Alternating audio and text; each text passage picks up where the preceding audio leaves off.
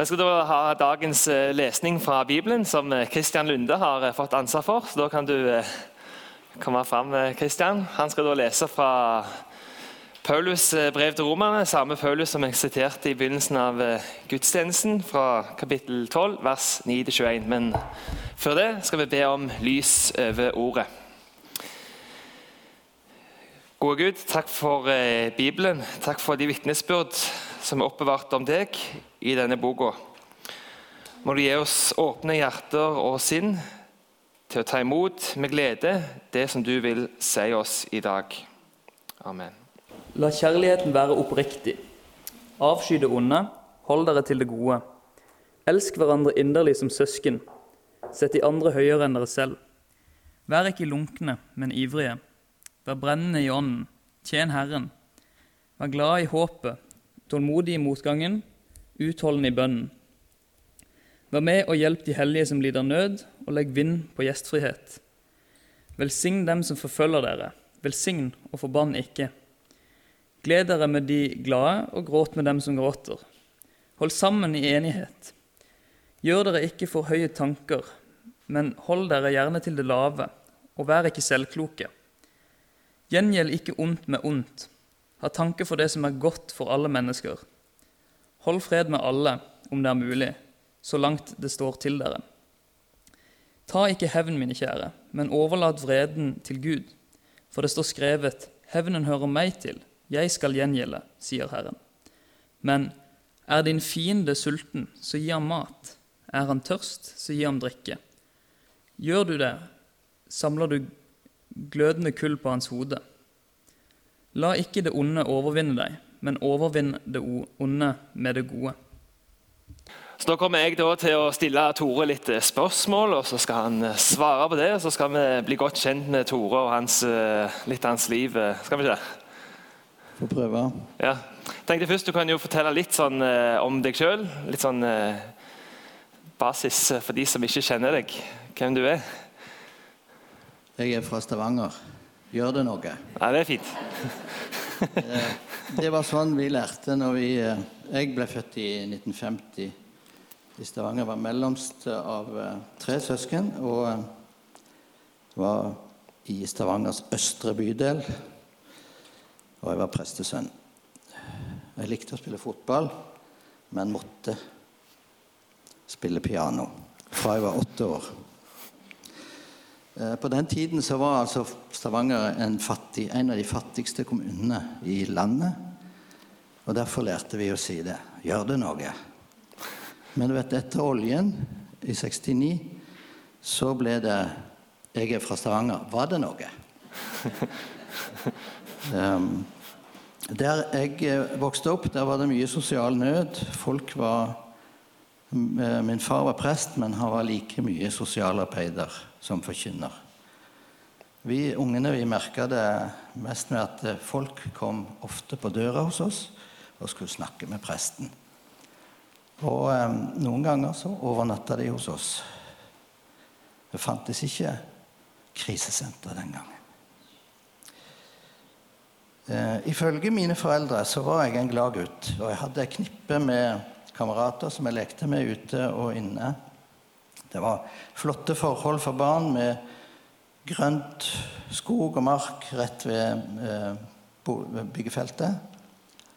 Men oppveksten var ikke problemfri. Jeg eh, var tynn og liten av vekst. Overlevde to-tre lungebetennelser uten penicillin. Jeg kan huske at lærerne kommenterte det at jeg var så liten. Og um, for å illustrere hvorfor det var sånn, eh, hvordan det var, så utsatte jeg konfirmasjonen min i ett år for å få et år til å vokse på. Så da jeg var konfirmant, så var jeg den eldste, men så likevel ut som den yngste. Jeg så ut som jeg var kommet på feil sted. Men jeg var relativt skoleflink og gikk på naturfaglinjen på videregående. og... Eh,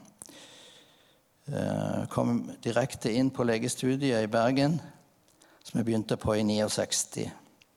Jeg var ferdig der i 75. Allerede før jeg begynte å studere, så visste jeg at jeg ville bli kirurg. Eh, under studiet så ble jeg gift med en medstudent. Og eh, vi dro på turnustjeneste i Nord-Norge, og vi ble i Nord-Norge i mange år. Fikk min spesialisering i, i nord og i Trondheim. Jeg spesialiserte meg i generell kirurgi og i ortopedisk kirurgi. Eh, vi adopterte ei lita jente fra Sri Lanka i 81 fordi vi ikke fikk barn sjøl. Hun var nydelig. Og hun fikk navnet Maria.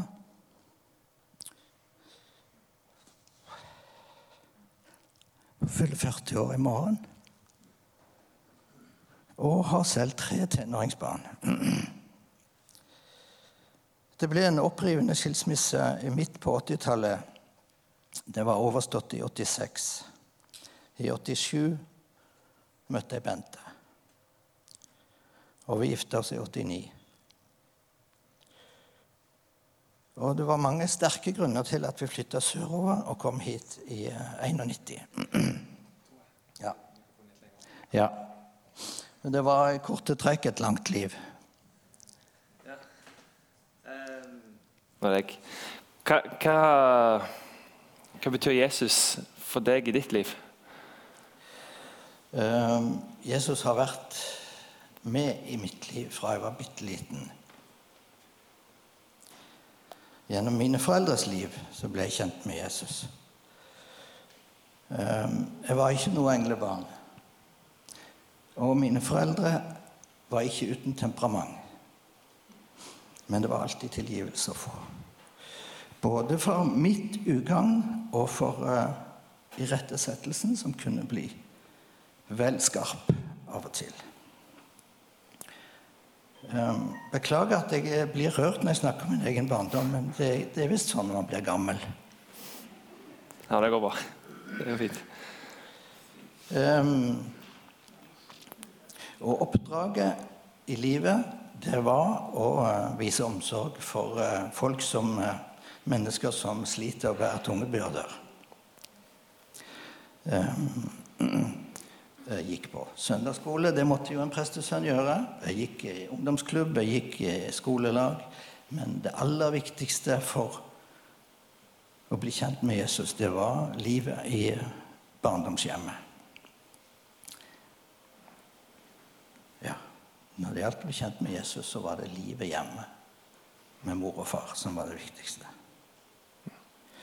Så både i det daglige liv og i mitt yrkesvalg så var Jesus alltid med, selv om jeg ofte ikke tenkte over det. Når jeg ser tilbake på eh, vanskelige perioder, så eh, er det helt klart for meg nå at jeg ble båret igjennom. Uten at jeg visste om det da. Jeg ser det som en gave fra Gud at jeg møtte Bente. Og at jeg får lov å dele livet med henne. Har fått uh, to egne barn og uh, nydelige barnebarn. Så Jesus viser oss, viser meg, med sitt liv hvordan verden kunne bli et bedre sted.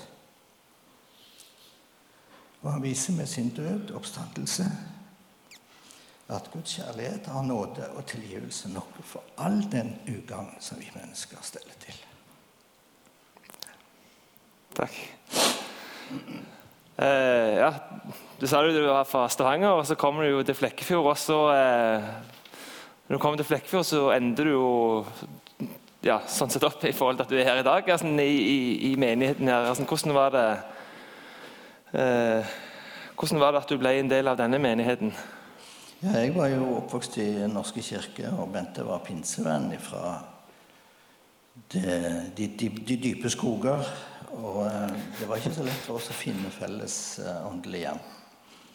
Men eh, vi traff noen mennesker, vi traff jo mange mennesker her, og en, ei, som selv er adventist, ga oss råd om å gå i metodistkirken. For der skulle det være tak, høy, takhøyde nok for oss begge to.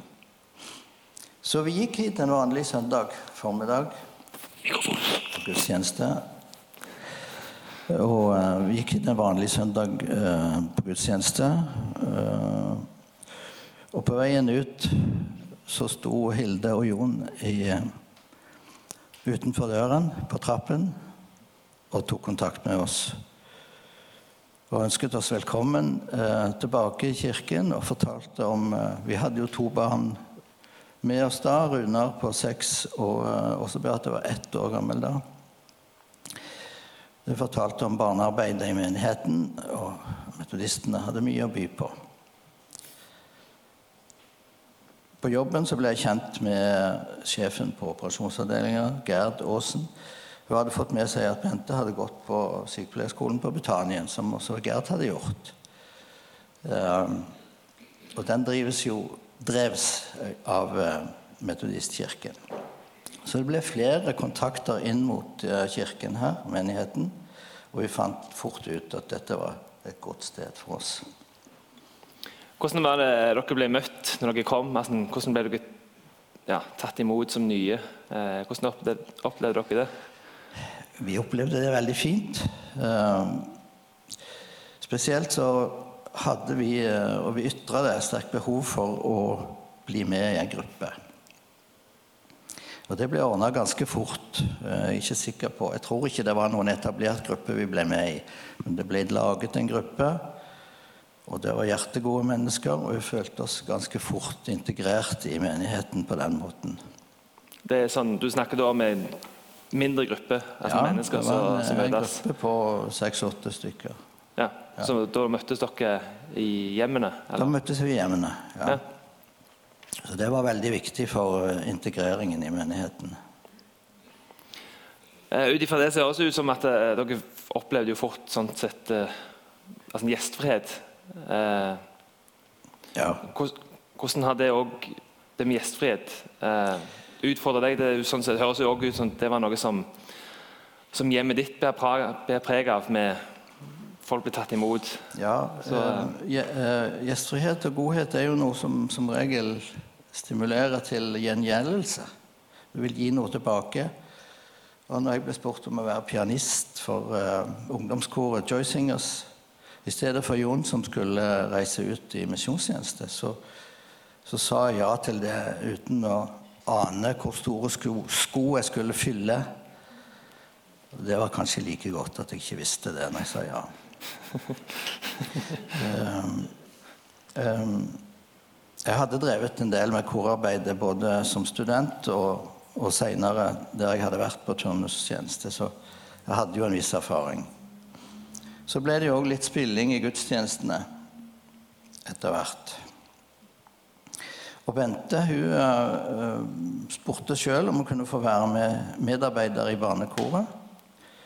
Sammen med Anne Solveig Krossli og Bente Westad. Og så var vi i gang. Ja. Ja. Eh, hvordan har det, hva betydning har det hatt for, for deg og for dere å være del av en, av en menighet gjennom alle disse årene? åra? Eh, Ja, Det har jo betydd eh, at vi fikk et felles åndelig hjem, vi to, og for våre barn. For vi hadde jo veldig ulik uh, bakgrunn. Men her var det plass til oss begge to. Det, det opplevde vi veldig sterkt. ja. Eh, du nevnte jo at altså Bente valgte å engasjere seg i barn og unge. Det gjorde jo du sjøl òg. Altså, hvorfor? Eh, med det som sikkert måtte vært en travel hverdag, valgte dere å engasjere dere?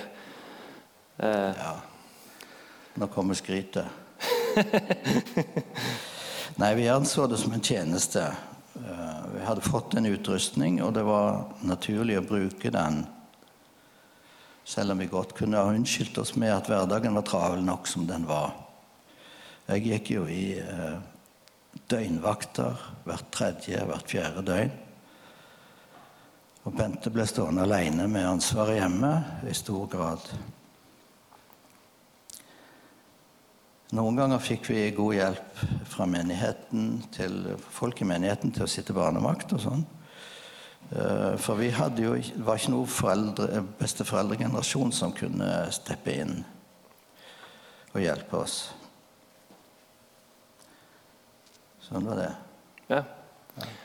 Men det å utøve en sånn tjeneste eh, som du nevner det. Altså det å tjene, bruke tid. Eh, hva det betydd i forhold til å gjøre det eh, og være en del av? Ja, Hvis jeg skal være helt ærlig, så var den spillingen eh, det var en veldig blandet opplevelse de første årene. Jeg følte at jeg gjorde mange feil. og eh, Jeg var stresset før gudstjenesten, og jeg var frustrert eh, over egen utilstrekkelighet etterpå.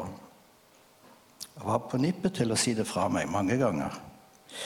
Men så kom det en gammel dame bort til meg en gang på kirkekaffen og sa du har en nådegave til å berøre mennesker med din musikk.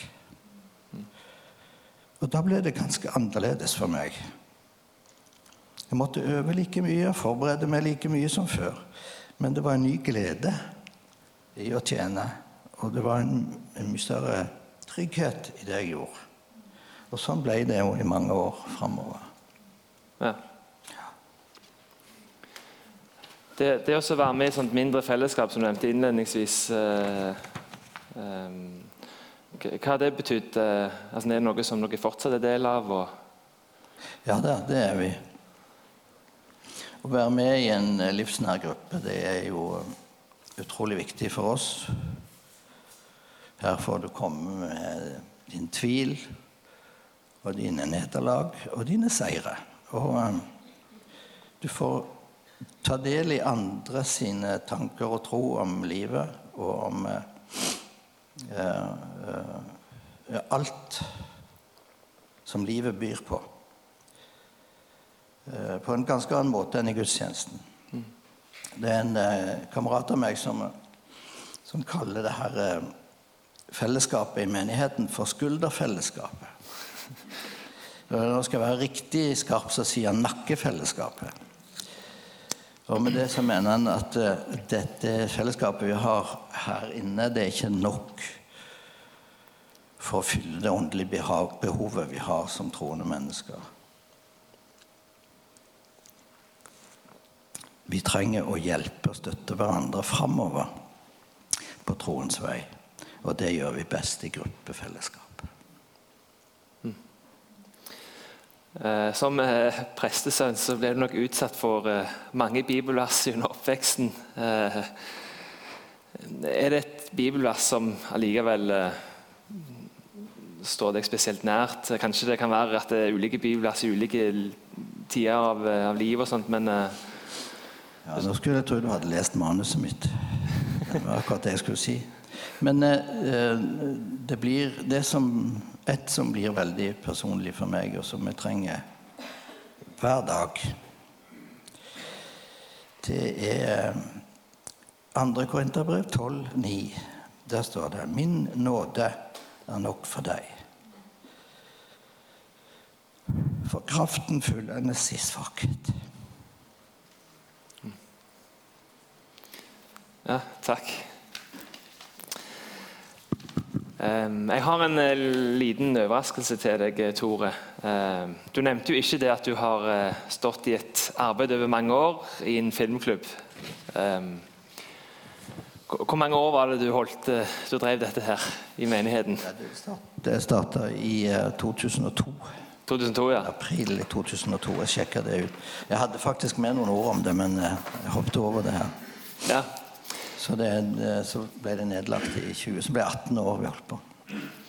18 år hvor du eh, ja, nesten ukentlig hadde en samling her nede med en ungdommer i et rom som eh, ja, ofte hadde for lite luft og oksygen, som kanskje, kanskje var det det som eh, gjorde at ungdommene noen gang eh, var på det nivået de var. Men eh, Nei, De første årene var vi på loftet her, faktisk, og da var det bedre plass. Men eh, så var det andre som trengte det mer, og da flytta vi ok, ja. til Kvinner. Fikk vi lov å bruke En stund var vi i Vestlishallen og hadde det der lille kottet ved Ja. siden av. Og så uh, fikk vi det rommet som nå er ditt, blitt, blitt ditt kontor nå. Ja. Eh, Så det betyr Dere har ikke, dere har ikke lenger den klubben. Eh, nå i, Gjennom koronatida har du jo valgt å ikke fortsette med Etoso. Men eh, for den tida som du har gjort, så må du få en tenkte vi skulle gi deg en eh, gave. Eh, Det er en gave fra menighetens barne- og ungdomsråd fra BUR. Du skulle jo egentlig fått den i fjor, så har det blitt utsatt. så du skal få den nå. Så Den ene tingen her så, eh, håper jeg at du får tillatelse til å ha henge hjemme. Det er jo av og til sånn med At en ikke alltid får tillatelse altså. men du har vel kanskje sånn manneloft eller et eller annet. Så jeg vil gi deg en sånn Oscar-statue som eh, filmregissør.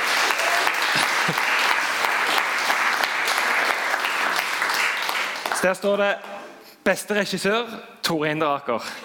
For eh, Det er ikke riktig klok. Så står det òg eh, på slutten eh, 'Takk, Tore, for all tid og kjærlighet du har lagt ned i mennesker gjennom Metosom'. Og med hilsen fra Jesaja 55, 10-11 om eh, påminnelsen om at det en har gjort, ser en kanskje ikke alltid fruktene av, men det er noe som allikevel har betydning. Så beste regissør til deg. Vær så god. Tusen, tusen takk. Og så vet jeg jo at du og fruen holder på, ja, holder på å rive ned huset hjemme. Så når dere eh, tenker at dere skulle ta og trenge en pause fra det, så skal du få en, eh, en eh, gavekort til kino på Spira. Å, tusen, tusen. Så eh, kan dere gå og ta dere en god kveld ute når dere trenger en pause fra alt det her. Det blir rotet. kjempefint. Um, kan jeg bare få si tusen takk for alle som har tenkt på oss og støtta arbeidet med Metosom. Det var jo spesielt i starten veldig mange som engasjerte seg, spesielt når vi skulle samle inn penger og hadde loppemarked nede i Vestligsalen og alt dette her.